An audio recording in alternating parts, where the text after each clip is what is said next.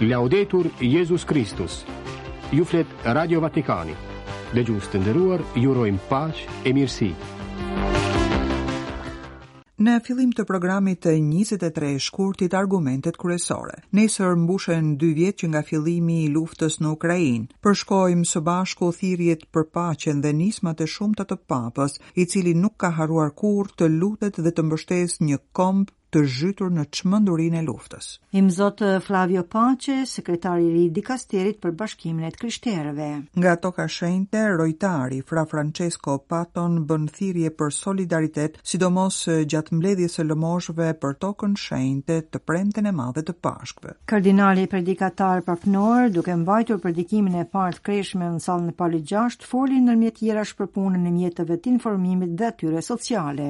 Më njëzet e tre shkurt kalendari kishtar kujton Shën Polikarpin e Izmirit ipeshkëv e martir. E lajme të tjera. Një përshëndetje e përzemërt nga redaksia e Gjuhës Shqipe. Në mikrofon, Klaudia Bumçi e Katerina Nushi. Nga aktiviteti i Papës dhe i Vatikanit.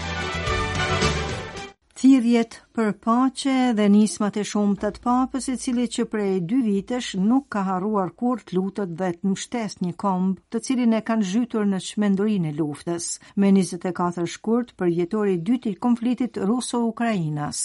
Një lutje e pandërprerë dhe e fuqishme për paqen në Ukrainë. Papa Françesku nuk ka rreshtur së lartuari zërin deri te Hyji i gjithëpushtetshëm për të kërkuar fundin e luftës ruso-ukrainase gjatë këtyre dy viteve konflikti të vazhdueshëm, sepse lufta është gjithmonë humbje, gjithmonë. Disfatë e vërtetë njerëzore, nënvizon shpesh Ati i Shenjtë, sepse fitojnë vetëm prodhuesit e armëve. I martirizuar, ky është mbiemri i dhimbshëm me të cilin Papa shpesh quan vendin në të cilin bombat vijojnë të bien që nga njëzet e katër shkurti dy mijë e njëzet e dy, nesër, përvjetori i dytë i luftës. Që nga ajo ditë e tmerrshme, Papa i shfrytëzon të gjitha rastet për ta nxitur botën të lutet për paqen. Gjatë këtyre dy viteve janë organizuar disa ditë lutjeje, e para më 26 janar 2022, kur tensionet ndërmjet Rusisë dhe Ukrainës nuk kishin shpërthyer ende plotësisht. por shkaktonin shumë shqetësime.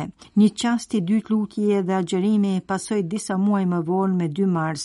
Ishte e mërkura e përhime dhe Françesku u kërkoi besimtarëve që si vëllezër t'i luteshin Zotit për t'i dhënë fund luftës.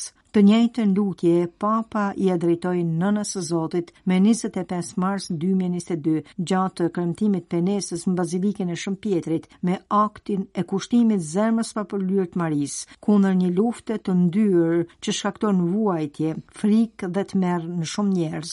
Nevojitet prania e Zotit dhe siguria e faljes hyjnore. Vitin e mëpasëm, me 27 tetor 2023, një ditë tjetër pendese, agjerimi dhe lutjeje, në të cilën Françesku kërkon ndihmën e Zojës për ta arritur paqen. Kërkojmë mëshirë o nënë e mëshirës, paqe o mbretëresha e paqes, u lut papa, preki shpirtrat e atyre që bllokohen në kurthin e urrejtjes, ktheji kah Zoti ata që nxisin dhe ushqejnë konfliktet, thaji lotët e fëmijëve, ndihmoji të vetmuarit e të moshuarit, mbështeti të plagosurit dhe të sëmurët, Mbroji ata që u është dashur të largohen nga dheu dhe njerëzit e tyre, ngushëlloji të dëshpëruarit, rizgjoje shpresën.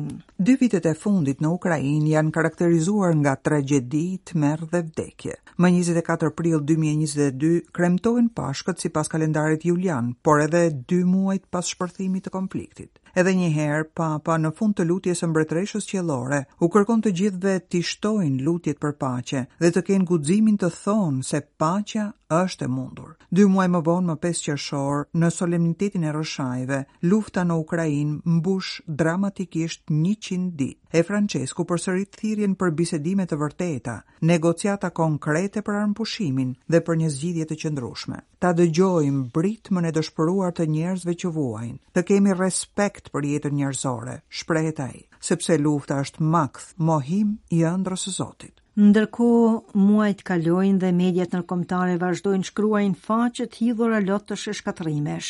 Muaji i gjashtë i konfliktit fillon më 24 gusht 2022, tjetër çast historik dramatik për Ukrainën. Pikërisht atij vendi i drejtohet Ati i Shenjtë në fund të audiencës së përgjithshme të së mërkurës, Lufta është çmenduri, nënvizon ai, duke u lutur për të burgosurit, të plagosurit, fëmijët, refugjatët dhe për të pafajshmit e shumtë që paguajnë një haraç të rëndë. Mbërrin nëntori e muajt e luftës bëhen nëntë. Me këtë rast, Papa i shkruan një letër popullit ukrainas, duke e cilësuar si popull fisnik dhe martir, duke e siguruar për afërsinë e tij me zemër, me lutje. Gjithë njerëzve u thotë, Mos u mësoni me luftën.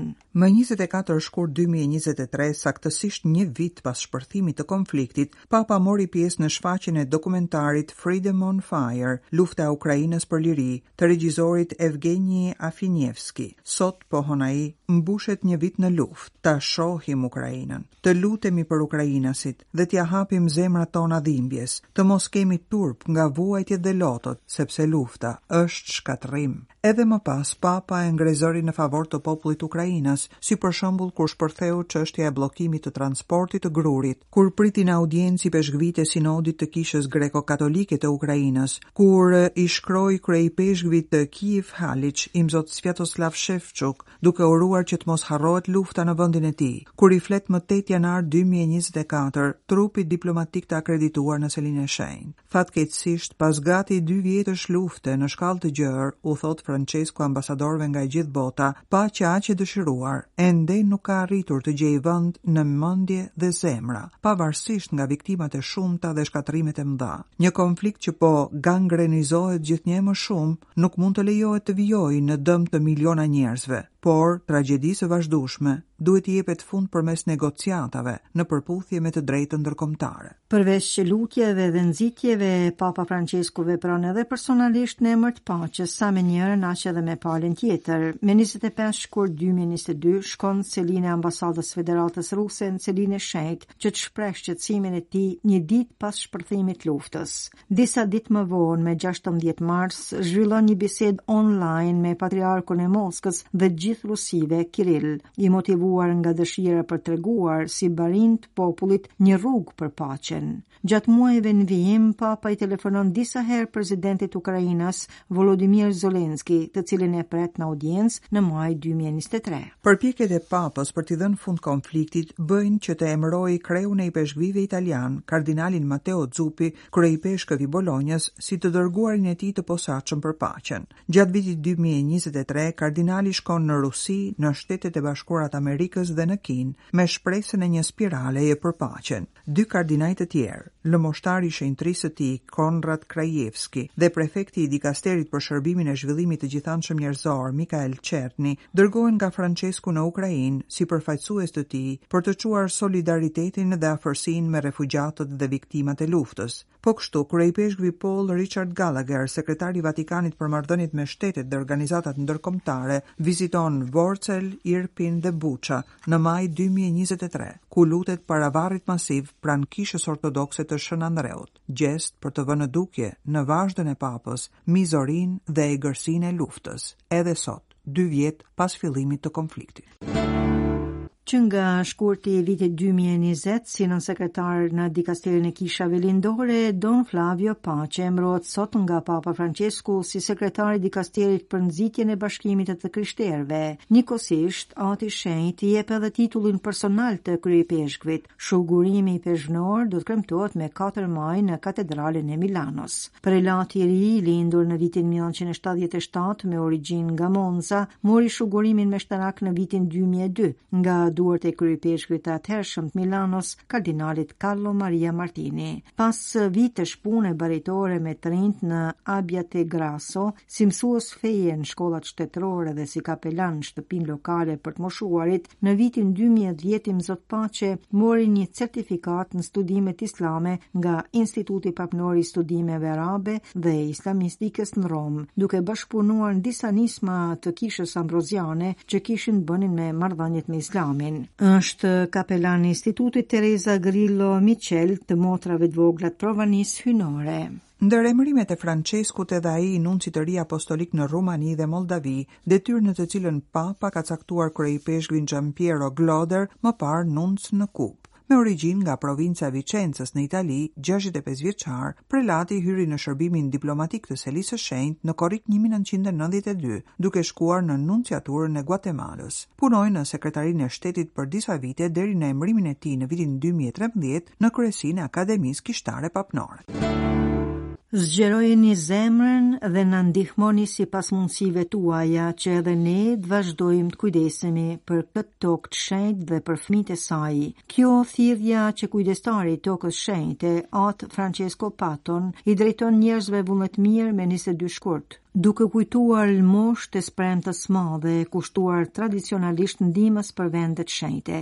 Në mesazhin për mbledhjen e lmoshëve, kujdestari i Tokës Shenjte shkruan: Pasi kemi jetuar më shumë se dy vjet në pasiguri për shkak të Covidit dhe duke gënjyer veten se normaliteti qe kthyer, befas me shtatë tetorin e kaluar shpërtheu një epidemi e re, lufta në tokën shenjte, e cila, përveç se shkaktoi mijëra vdekje, bllokoi edhe një herë dyndjen e shtegtarëve, i detyroi fëmijët tanë të mos shkojnë në shkollë për periudha të gjata dhe la pa punë shumë nga të krishterët tanë në tokën shenjte, veçanërisht në Betlehem dhe në Palestinë, por edhe në qytetin e vjetër të Jeruzalemit dhe në Izrael. Prej këndej nevoja për afërsinë dhe solidaritetin e të krishterëve nga e gjithë bota, para së gjithash përmes lutjes, mbasi jemi të bindur se vetëm veprimi i hirit të Zotit mund t'i ndryshojë zemrat dhe t'i kthejë ato në rrugën e dialogut, të pajtimit dhe të paqes. Pastaj solidariteti dhe afrimi përmes shtegtimit. Së fundi, afërsia dhe solidariteti edhe përmes ndarjes së burimeve ekonomike. si fretër të kujdestarisë së tokës së shenjte, kujton At Paton, është detyra jonë, sipas mandatit të selisë së shenjtë, të kujdesemi për vendet e shenjta, të jetojmë atje dhe t'i bëjmë ato vende lutjeje, t'i mirëpresim besimtarët vendas dhe shtegtarët, si edhe të kujdesemi për punët edukative si shkolla, shtëpitë për të moshuarit dhe familjet e reja,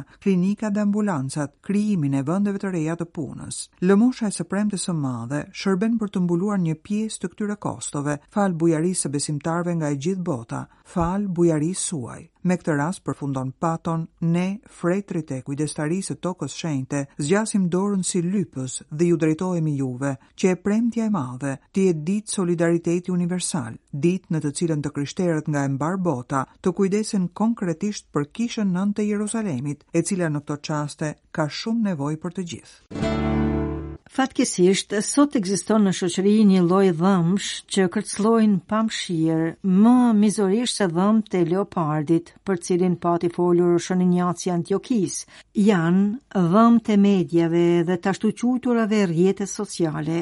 Kardinali Kapuqin Raniero Kantalamesa e kujtoi këtë sot në mëngjes në sallën e Palit Gjashtë gjatë predikimit të parë të kreshmeve në përgatitje për pashkë. Duke kujtuar fjalët e ipeshkvit martir Injacit, Sono frumento di Dio e devo essere Unë jam gruri i Zotit dhe duhet të bluhem nga dhëmbtë e bishave të egra për t'u bërë bukë e pastër e Krishtit, predikatari i shtëpisë papnore shpjegoi se mediat meritojnë gjithë respektin edhe nderimin kur i zbulojnë shtrembërimet e shoqërisë ose të kishës, ndërsa nuk mund të themi se e kryejnë misionin e tyre, nëse sulmojnë dikë njëanshmërisht, thjesht sepse nuk i përket partisë së tyre. E gjithë kjo me ligësi, me qëllim shkatërrues, jo konstruktiv. Mjerë kush përfundon sot në këtë makinë mishi, qoftë laik apo klerik, komentoi kardinali. Në këtë rast shtoi, është legjitime dhe e nevojshme t'i pohosh arsyet tuaja në forumet përkatëse. Nëse kjo nuk është e mundur, ose shihet se nuk ka asnjë dobi, besimtari nuk ka zgjidhje tjetër veçse të bashkohet me Krishtin e rrahur me kamxhik, të kurorëzuar me ferra dhe të pështyrë. Në letrën drejtuar hebrenjve, vërejti kardinali, lexojmë këtë këshillë drejtuar të krishterëve të parë. këshillë që mund të ndihmojë në raste të ngjashme.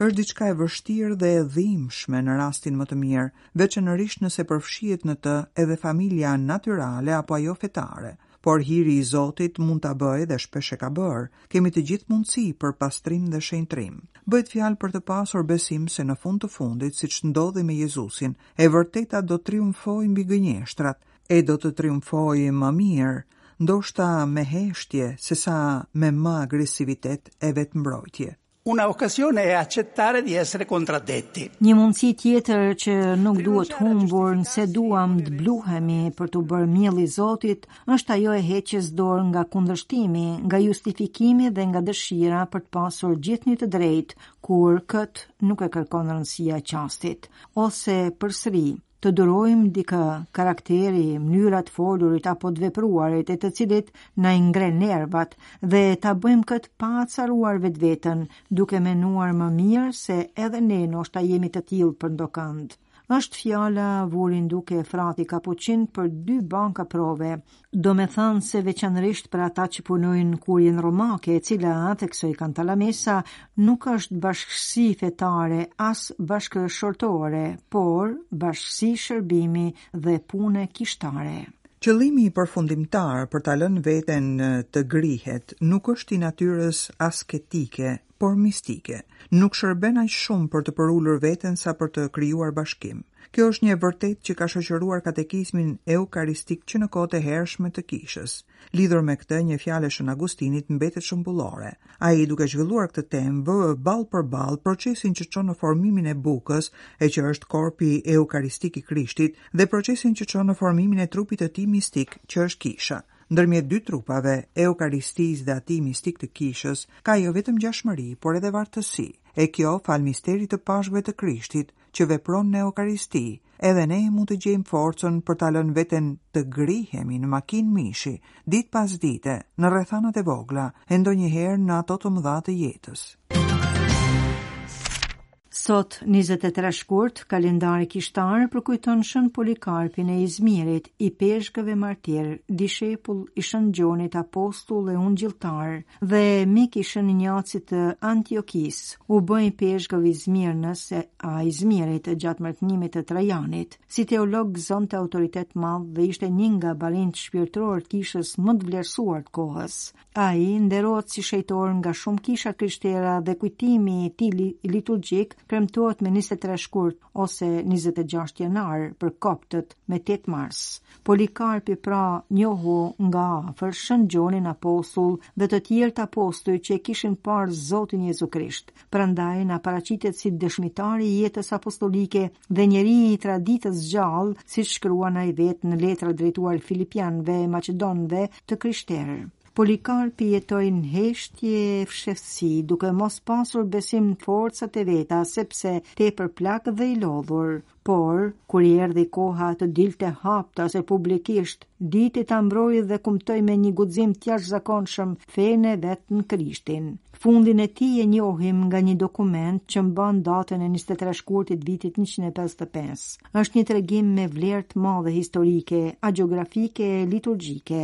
I zvarritur para prokonsullit Stacio Quadratit, rrëfehet në dokument, Polikarpi u ftua ta mohonte Krishtin, por ai u përgjigj me këto fjalë duke tundur kokën. Që prej 86 vjetësh i shërbej, e nuk më ka bërë kurrë një të keqe, E si të blasfemoj kundër mretit tim që më shëlboi? A e di se mund të të djeg për së gjalli, i tha prokonsulli. Zjarri me të cilin më kërcënoni, u përgjigj Shën Polikarpi, të djeg për një çast, por pastaj kalon. Unë ia kam frikën zjarrit të amshuar të dënimit. E ndërsa digjej i gjallë në mesin e amfiteatrit të Smirnës, Izmiri i sotëm në Turqi, Polikarpi i lartonte Zotit një uratë të shkurtër, por nga zemra. O Zot, qoftë lavdruar emri yt i adhuruar në shekuj të shekujve, nga Jezu Krishti, meshtar i amshuar e i gjithëpushtetshëm, e qoftë i nderuar emri yt së bashku me Jezusin e Shpirtin Shenjt, sot e përgjithmonë e jetës. E sakaq, trupi i pjekur nga zjarri, u shndërrua në një grusht hi. Mbetën, siç vijon të tregojë dokumenti i përmendur, vetëm pak eshtra, që u ruajtën si gurë të çmuar dëshmie, për Krishtin e gjallë. Dëgjuat Radio Vatikanin, ju falenderojmë për vëmendjen e mirudëgjofshim nesër në të njëjtën orë. Laudetur Jezus Kristus.